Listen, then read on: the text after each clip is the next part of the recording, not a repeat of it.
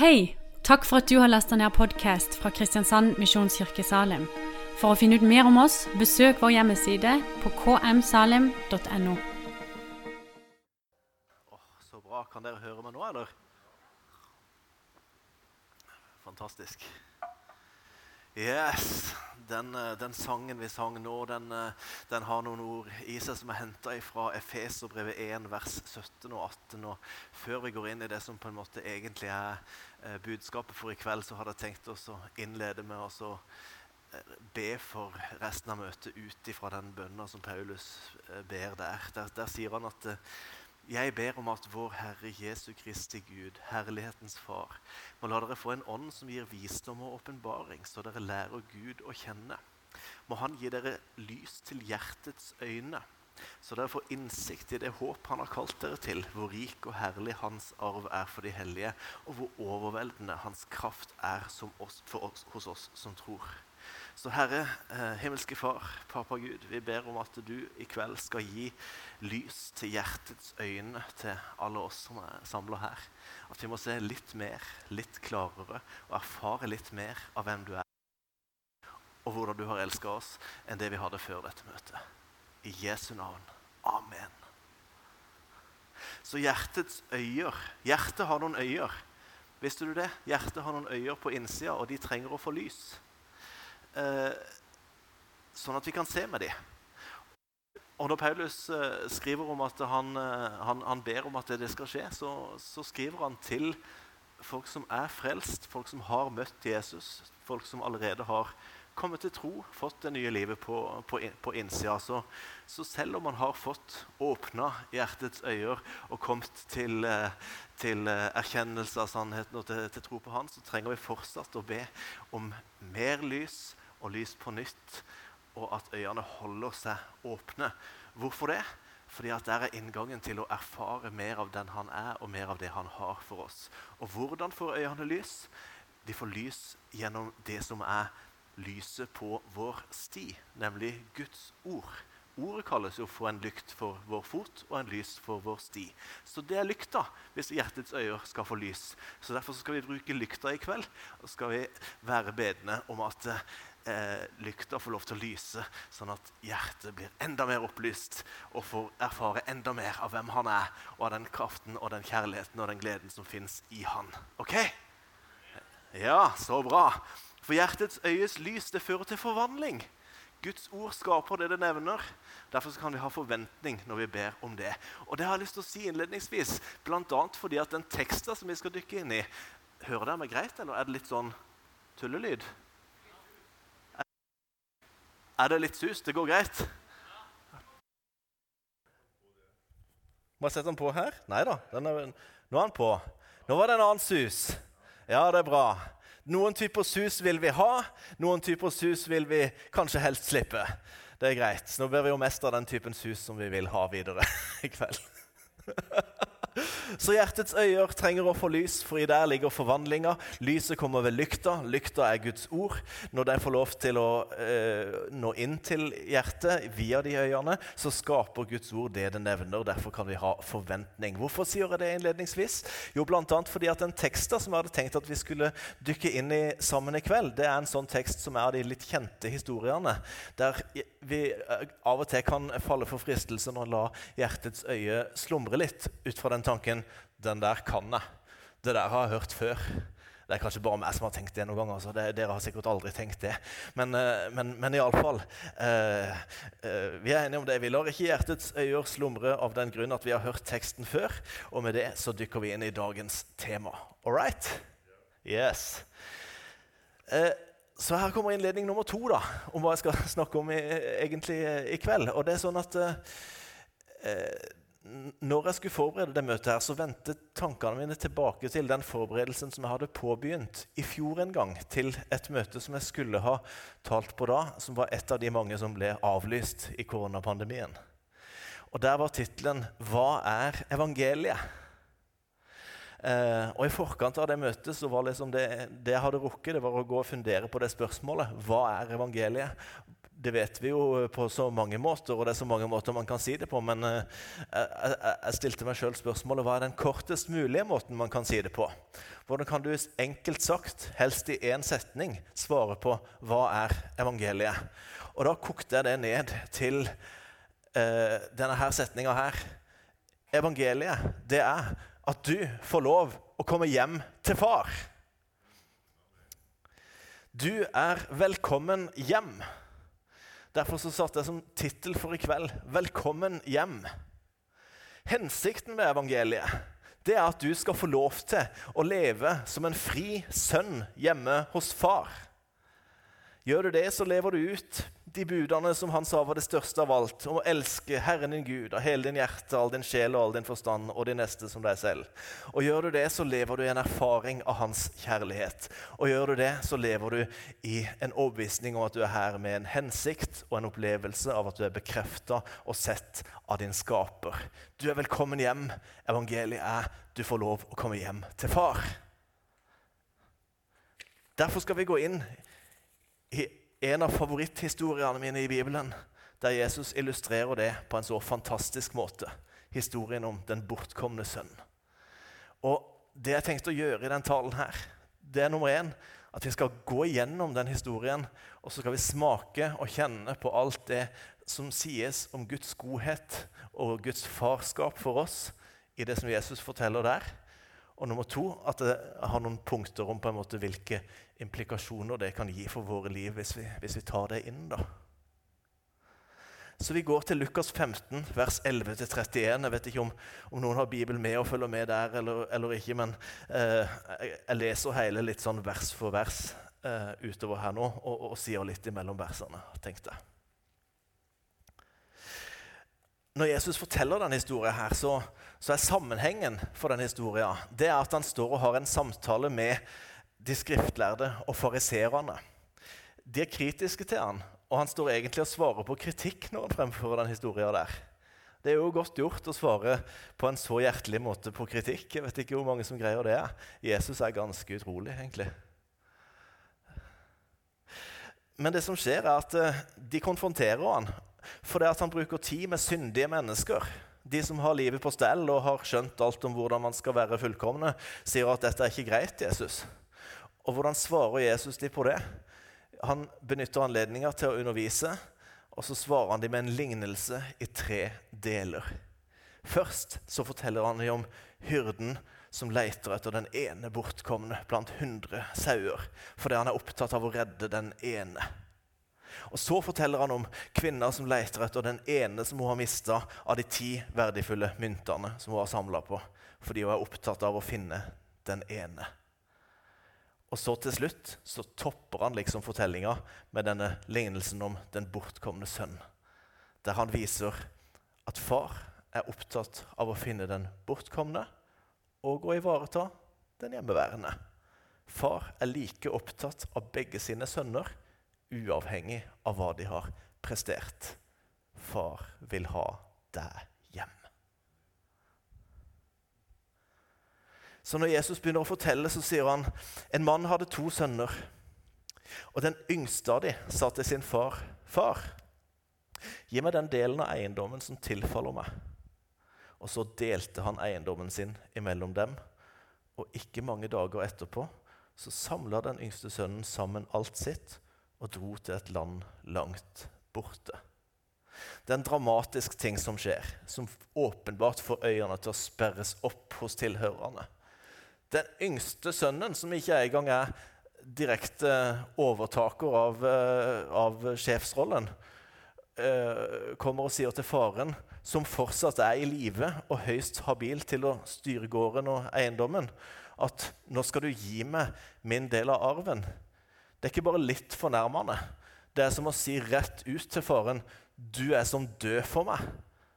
Jeg ønsker å erklære familien for oppheva. Jeg vil ikke at vi skal være sammen noe mer. Eh, det er så hjerteskjærende. Og det er, ydmy, det er en ydmykelse av faren som gjør at eh, tilhørerne nok både blir sjokkert over hvordan det går an for en, en sønn å være så ufattelig stygg mot sin far, men ikke minst også av hvordan det går an for en far å reagere så ufattelig snilt og kjærlig. For eh, han skulle jo ha jaga sønnen vekk.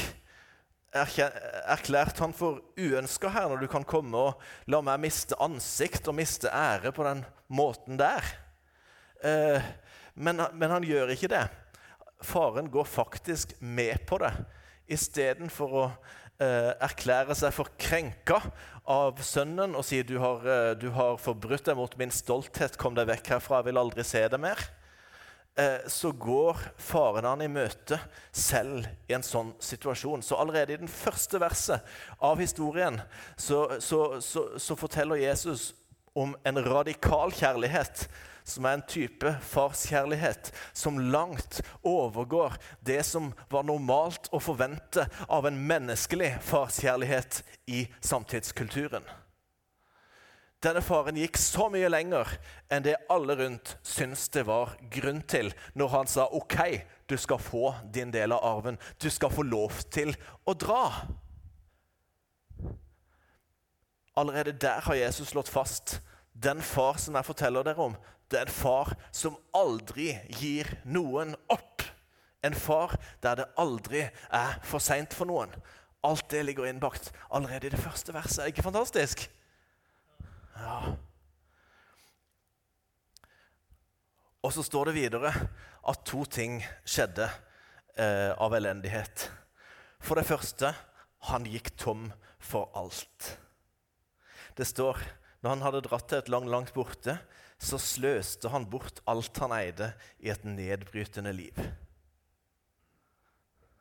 Han brukte opp alt. Han sløste bort alt han eide. Han kom til slutten av seg sjøl. Har du vært ved slutten av deg sjøl noen gang? Han kom til et punkt der det ikke var mer igjen av egen kraft. Han hadde brukt opp penger, han hadde brukt opp rollen sin som, hadde, som, ga makt og innflytelse. Han hadde brukt opp velviljen til de gode forbindelsene sine. Han hadde brutt ned helsa si. Alt det som ga han statusen og stoltheten og tryggheten på at 'jeg kan greie meg godt sjøl i livet uten far'. Han kom til et punkt der han var ved slutten av seg sjøl. Og det andre som skjedde, han begynte å lide nød. For da han hadde brukt opp alt, så ble det en svær hungersnød i det landet, står det. Og han begynte å lide nød. Da gikk han av sted og slo seg sammen med en av de som bodde i landet. og Han sendte han ut på markene for å mate svin, og han spiste seg gjerne mett på de skolmene som grisene åt av, for ingen ga han noe. Der har han gått fra å være konge i eget liv til å strø rundt seg med penger, til å ligge og spise grisemat eh, alene og ensom. Eh, det var ikke mer igjen. Han forsøkte å greie seg sjøl i vanskelighetene. Har du vært ved et punkt av å være ved slutten av deg sjøl på et område i livet, og så tenkt jeg må forsøke å greie meg som best jeg kan? Jeg tror det var hans tanke i dette. Det gikk for så vidt. Han sulta jo ikke i hjel. Han fikk jo i seg noen skolmer. Han klarte jo å jobbe for å få seg litt grisemat. Så han holdt jo gående litt. Men det var jo ikke mer heller. Det å leve for en hensikt var mista av syne. Det handler bare om overlevelse fra dag til dag. Har du vært ved et punkt der livet handler bare om overlevelse fra dag til dag? Så står det videre at han etter hvert kom til seg selv. Etter hvert eh, når han har levd lenge nok for bare å overleve fra dag til dag, når han har levd lenge nok på grisemat uten venner, så kom han til seg selv, står det. Eh, og det å komme til seg selv, det kan vi jo trenge iblant. Eh, hvor mange av min fars leietjenere, sa han, har brød i overflod, mens jeg sjøl går til grunne av sult? Tenkte han. Med andre ord det var vel i grunnen teit av meg å dra. Og så tenker han videre, etter han har kommet til seg selv. Jeg vil stå opp og gå til min far. Og den delen av det han tenkte, var jo lurt. Men så viser resten av resonnementet hans at selv om han tenkte at nå må jeg gå til min far, så hadde han ikke skjønt hvilken posisjon han hadde hos sin far, og hvordan hans far elska han. For han sa dette er min plan. Dette er det jeg skal gjøre når jeg kommer hjem til far. Jeg vil stå opp og gå til min far, og jeg vil si til han, far, jeg har synda mot himmelen og framfor deg, og jeg er ikke lenger verdig til å kalles din sønn. Gi meg en tjeneste som en av leiekarene dine. Han innså behovet for å søke kontakt med sitt opphav igjen. Det ligger jo i oss. Evigheten har han lagt ned i menneskenes hjerter. Så vi roper etter kontakt med det opphavet vi kommer ifra. Det er veldig menneskelig. Men jeg hadde ikke skjønt hvordan far så på han, for det forklares i det neste verset, i vers 20. Der står det at han sto opp og han kom til sin far. Og hvordan var det far møtte han? Satt far på en stol og var opptatt og sa jeg holder på å skrive regnskapsboka for gården her. Jeg har jo mye å gjøre med å ta inn igjen det tapte etter at du dro av gårde med halve formua her, liksom. Jeg har det i grunnen ganske travelt. Du, du, skal se om jeg kan skvise deg inn. Jeg har eh, ti minutter ledig i morgen klokka kvart på elleve. Kan vi ta det da? Um, eller var det sånn Pass på å sperre han ute. Pass på å lukke porten. Han dusten der skal ikke komme her og få ydmyke meg en gang til. Eller var det ja, kanskje han er villig til å jobbe for lite, da, så jeg kan få meg en billig ansatt. da, sånn, eh, eh, Siden han nå er litt sånn eh, klar for å komme tilbake igjen her. Kan jo utnytte han litt. Jeg mener, Alt det der kunne man jo ha tenkt, ikke sant? Hvis det ikke hadde vært for at det er vår himmelske Far det er snakk om her, og hvordan han elsker sine barn med en større kjærlighet enn det noen her kunne sett for seg og strekke seg til. Så det står da han fremdeles var langt unna, så så hans far ham og fikk inderlig medlidenhet med ham. Hva må du gjøre hvis du skal se noen mens de enda er langt unna? Må du da være opptatt på kontoret ditt og skvise inn en avtale kvart på elleve i morgen? Nei, da må, leit, da må, du være på leit. Da må du stå på kanskje det høyeste punktet på eiendommen og kikke og speide hvis du skal få øye på dem mens de er langt unna. Eh, du må ha øynene åpne, og du må vente med lengsel for at det skal være mulig. Så her beskrives en far som ikke bare var åpen for å ta imot ham igjen, men som venta med lengsel, og som mer enn noe annet ønska at han skulle komme tilbake igjen. Og videre, noe som er revolusjonerende i historien. Det står om faren at han sprang ham i møte og falt ham om halsen og kysset ham. Vet du, husets herre i samtidskulturen ville ikke finne på å løpe. Løping var for barn. Løping var for tjenere. Løping var ikke for husets herre. Men denne faren la fra seg sin verdighet, ga avkall på, eh, på, på, sin ære, bøyde seg ned, sprang det han kunne, løp han i møte, kasta seg om han som hadde forlatt han, og kyssa han. Eh, det er revolusjonerende for tilhørerne, som alle sammen visste at i kulturen der hvor dette blir fortalt, så er far i huset ikke en som løper, men denne faren, han løp. Fordi kjærligheten til sønnen overga, overvant trangen til å bevare verdigheten.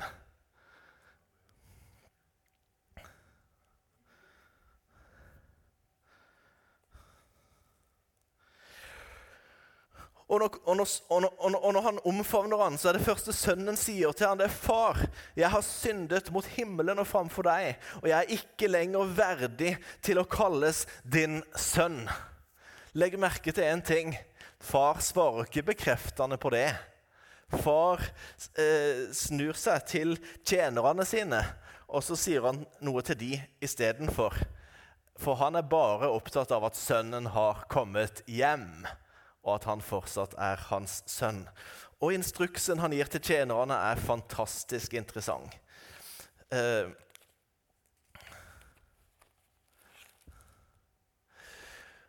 han sier noen ting på rad der. For det første så sier han 'hent fram den beste festdrakten og ha den på ham'. En, en ny drakt. Tror dere han kom hjem med fine klær?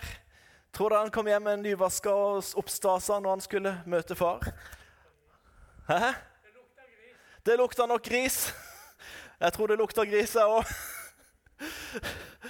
Uh, hent fram en ny drakt. Og jeg har lest at det, det, det står om at uh, eh, den drakten, det ordet for drakt som er brukt der, det indikerer 'hent fram husets fineste drakt'. Det, det indikerer ikke bare 'hent fram noe fra skapet, så vi kan slippe stanken, vi andre som er rundt han'. Nei, det indikerer her er en som skal ha en ny start. Han trenger nye klær for en ny start på et nytt liv. Og et nytt liv som ikke er bare eh, så vidt tilstedeværelse, men det nye livet skal gi han verdigheten som menneske tilbake. Verdigheten som sønn i huset tilbake verdighet med nye klær som symboliserer en helt ny start. Og så står det 'sett en ring på fingeren hans'. Og En veldig sannsynlig oversettelse av det ordet 'ring' det er jo at det handler om en signet ring. Du vet, Far i huset på en stor gård hadde en eh, ring med et sånt stempel inni. Sånn at eh, når det skulle gjøres eh, storinnkjøp eller avtaler om kjøp og salg så kunne av eiendom eller dyr eller andre ting, sånn, så, så kunne faren i huset ta fingeren fram, dyppe ringen i blekk, sette den på et ark og signere. Og da var det en gyldig kontrakt. Så han sier 'sett en ring på fingeren hans'. Og jeg kan forestille meg i historien hvordan det går et gisp gjennom tjenerstaben. For hvilket område er det denne sønnen først og fremst har svikta på i utgangspunktet? Hva er det han har falt aller mest på? Det er jo på det økonomiske. Det er jo der han virkelig har gått på trynet så det sang. Han har jo forlangt å få hele greia, så han sløst bort alt. Han var jo ikke noe god forvalter, men akkurat på det området der det faktisk gikk galt, så så sier far, du får ny tillit. Han angrer ikke sine nådegaver og sitt kall. Det fins en ny begynnelse for den som vil omvende seg og begynne på nytt på et nytt kapittel i livet. Det er ikke for seint. Det går an å komme hjem til far, og han vil sette en ring på fingeren din for en ny tid. Ja. Og sandaler på føttene. Vet du hvem som gikk med sandaler på føttene på den tida? Det var ikke tjenerne. Det vanlige var å gå barbeint. Bare husfolket gikk med fottøy. Så når han sier 'sett sandaler på føttene hans', i hans sko, i hans sko, så sier han 'du skal ikke være en tjener'. Dette er mer enn en tjener. De som går med sandaler, er sønner i huset. Hør en ting. Far er ikke interessert i å ha deg som arbeidstaker. Han ønsker ikke å være din arbeidsgiver og avkreve deg lydighet. Nei, du er hans. Du er hans sønn. Hans sønn som skal ha sandaler i huset, som viser at du er hjemme hos far.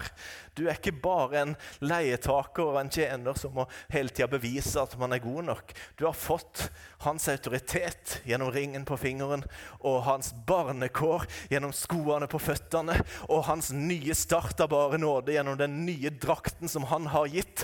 Fordi at du var ikke bare litt velkommen hjem til far. Han sto og speida etter deg lenge på forhånd mens du skulle komme. Og det er grunn til fest når du kommer hjem, forteller historien oss. Eh, for, for, for, det neste faren sier en struks det Kom så hit med gjøkalven og slakt den, og la oss ete og være glade, for denne sønnen min var død og er blitt levende. Han var fortapt og er blitt funnet. Og de begynte å være glade. Det var grunn til fest. Gleden over hjemkomsten var farens fokus. Det var ikke å terpe på alt det som hadde gått galt. Hans nåde er ny hver dag.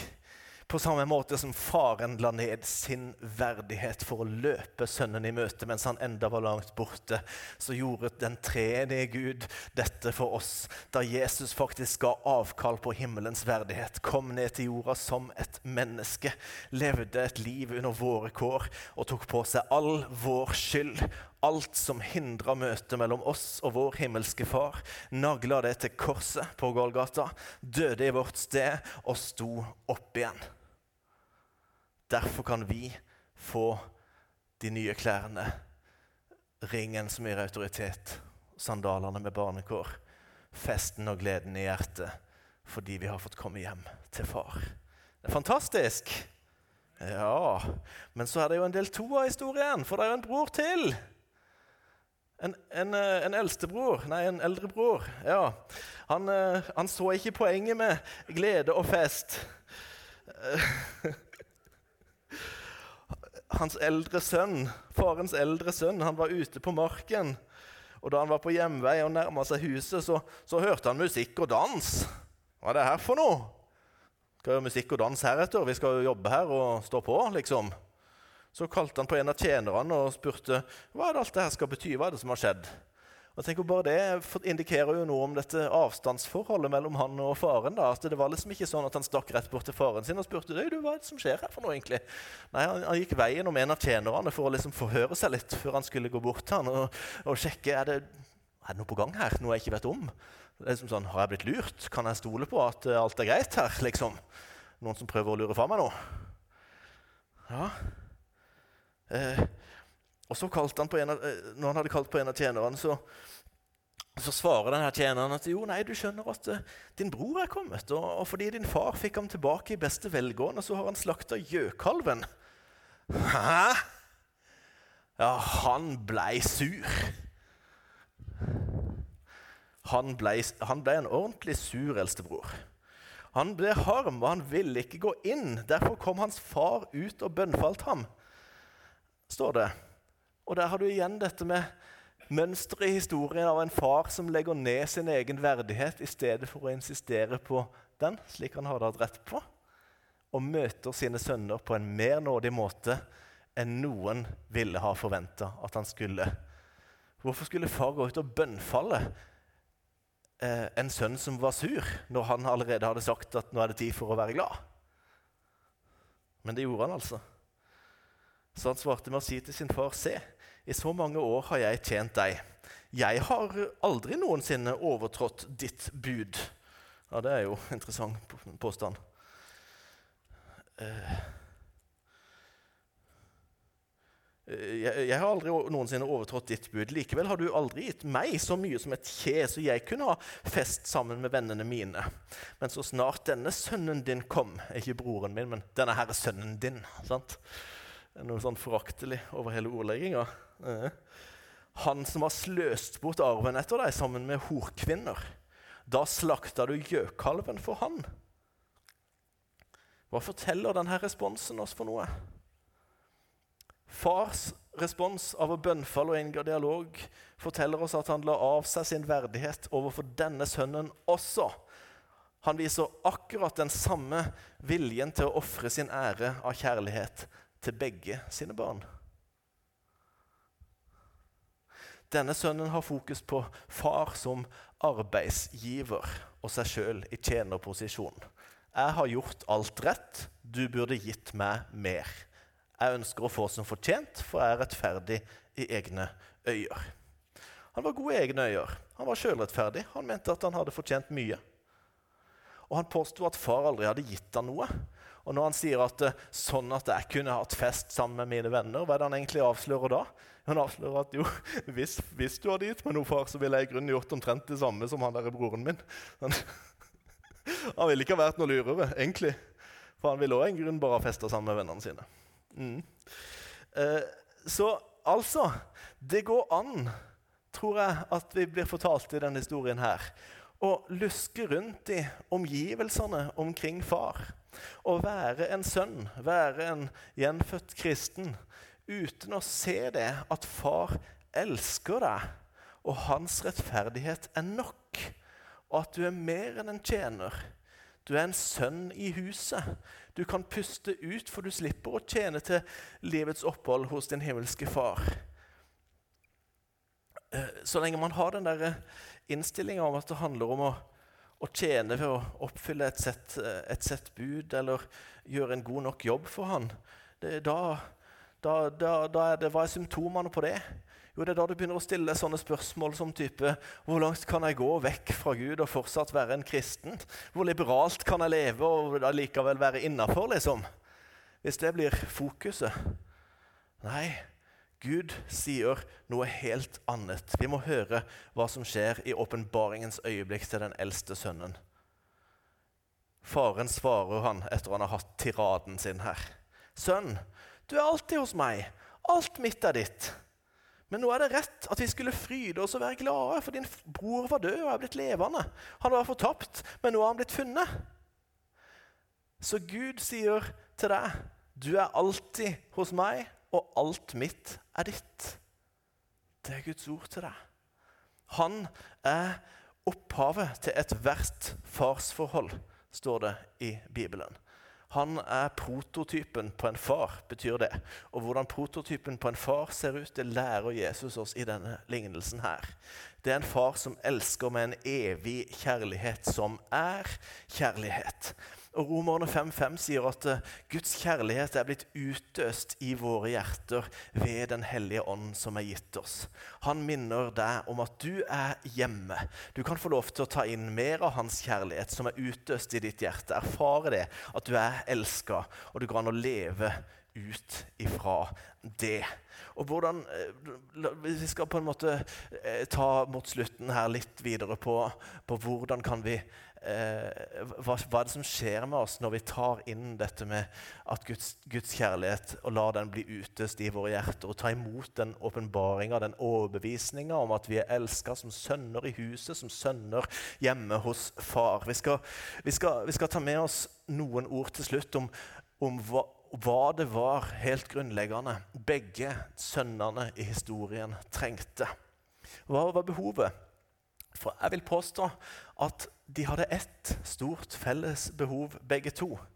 Det var egentlig et behov for en helbredelse ifra farløshetens ånd og Jeg låner det som et uttrykk fra bøkene til James Jordan, som noen av dere kanskje kjenner, som har starta en bevegelse av farshjerte, under, undervisning om Guds fars hjerte og skoler om Guds fars hjerte rundt om i, i, i, verden. Han bruker det uttrykket 'farløshetens ånd', ikke om en slags eh, ånd eller demon i den forstand, men om en, en tilstand som har prega menneskeheten siden fallet i Edens hage. Da Adam og Eva ble avskåret fra hagen med livets tre, så, så, så, kom det inn en tilstand av farløshet i menneskenes hjerter. Og, symptom, og noen av symptomene på denne farløsheten det er en evig trang til uavhengighet, til det ekstreme. Ytterst sett er jeg alene i verden, er overbevisninga. Det er en grunnleggende frykt. Ytterst sett må jeg forsvare meg sjøl for ytterst sett vil kanskje ingen andre. Det er en grunnleggende grådighet, for ytterst sett så må jeg sikre meg mine behov, for hvem ellers vil sikre meg om ikke jeg gjør det? Og det er en grunnleggende usikkerhet. Er jeg på rett vei, og hvordan kan jeg vite det? Det er den tilstanden som gjorde at Gud ikke fikk svar når han ropte i hagen. Adam, hvor er du? Det var ikke Gud som ikke visste hvor Adam var. Men det var jo en tilstand av opplevd farløshet som hadde kommet inn, og som gjorde han tørte ikke lenger å stole på noen andre enn seg sjøl, grunnleggende sett. Og denne tilstanden den, den, preger mennesker på et veldig dypt nivå, tror jeg. Sånn at den, den forsvinner ikke helt av seg sjøl med frelsen. Eh,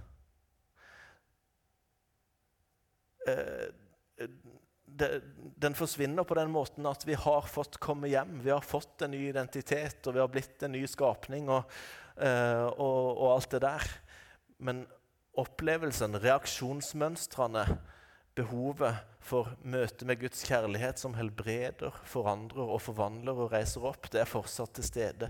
Det trenger vi fortsatt. Derfor trenger hjertets øye og lys, sånn at den kjærligheten får lov til å fortsette å flomme inn, så vi i gradvis mindre grad blir prega av farløshetens ånd, og i stadig større grad blir prega av at Guds kjærlighet får lov til å bli utøst i våre hjerter ved Den hellige ånd. Og tre ting som skjer da, når vi fornyer tanker i lys av Guds ord, og når vi erfarer Guds kjærlighet i lys av Guds ord. Nummer én, da går vi fra, fra lydighet til harmoni.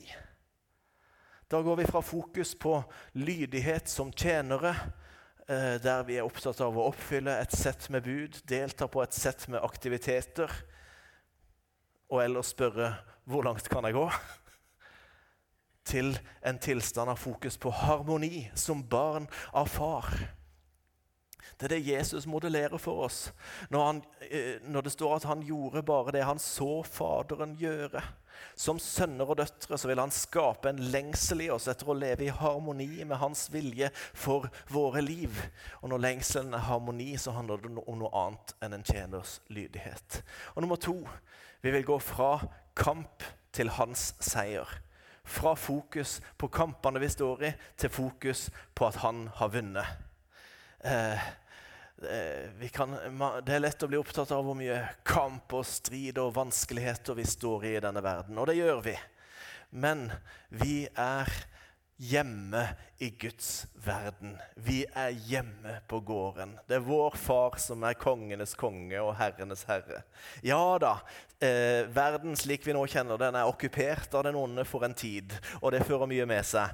Men Jesus vant seier over ondskapen på korset, på Golgata, og han etablerte Guds rike her på den jorda som Gud har skapt. Og en dag så skal hvert kne bøye seg, og hver tunge måtte bekjenne at Jesus Kristus er Herre, og vi er på hans sitt lag. Han er vår bror, og Gud er vår far. Og hvis vi ser vår egen rolle og innsats i åndskampen som det avgjørende, så blir vi svette.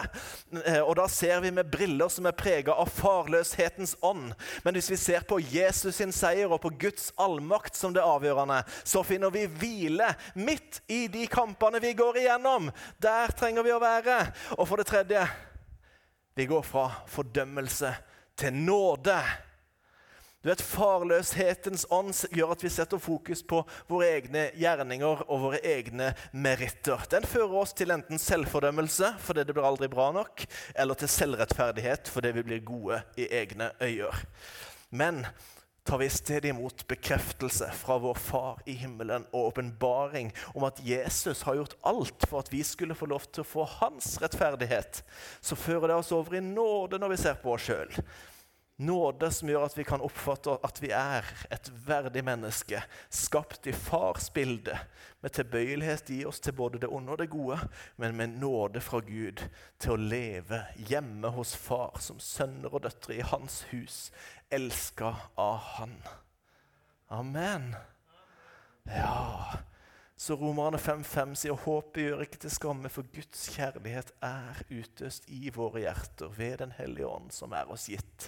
Inngangen til hjertet går gjennom hjertets sanser, bl.a. gjennom hjertets øyer, som får lys gjennom Guds ord, som vi har lytta til nå. Kjenner du at lyset skinner inn på et område i livet som, som, som, som skulle vært skylla over på nytt med Guds kjærlighet? At han skulle fått utøse sin kjærlighet på nytt inn på et eller annet område. Så, så, så, så skal vi ta en, en, en, stund nå tenker jeg, til, til å eh, gi han mulighet til, til, det. Gi han mulighet til å berøre den enkelte som, som er her. Eh, det blir eh, åpna opp for mulighet til forbønn. Jeg vil oppfordre deg til å bruke den. Det blir forbønn inne på, på bønnerommet. Ta, ta, den muligheten, enten du kjenner på behov for en 180 graders sving i livet, eller bare skulle hatt en touch inn på et område du opplever Gud har satt lyset på i løpet av uh, forkynnelsen i kveld. Så, så, vær frimodig og bruk det. Der, der vil være forbedrere der som, som gjerne vil, uh, vil, vil be for deg. Eh, de kommer til å bruke munnbind, så er koronatiltakene godt ivaretatt eh, der inne også. Eh, Sara, du kan, du kan, fortelle oss litt mer praktisk om hvordan det blir nå, men, men bruk møtet videre til å fortsette å bare eh, la han få, få slippe til eh, i, i, hjertet med sin kjærlighet som han ønsker å, å utøse mer av, og, og bruk muligheten til, til forbønn også, om du kjenner at det trykker på.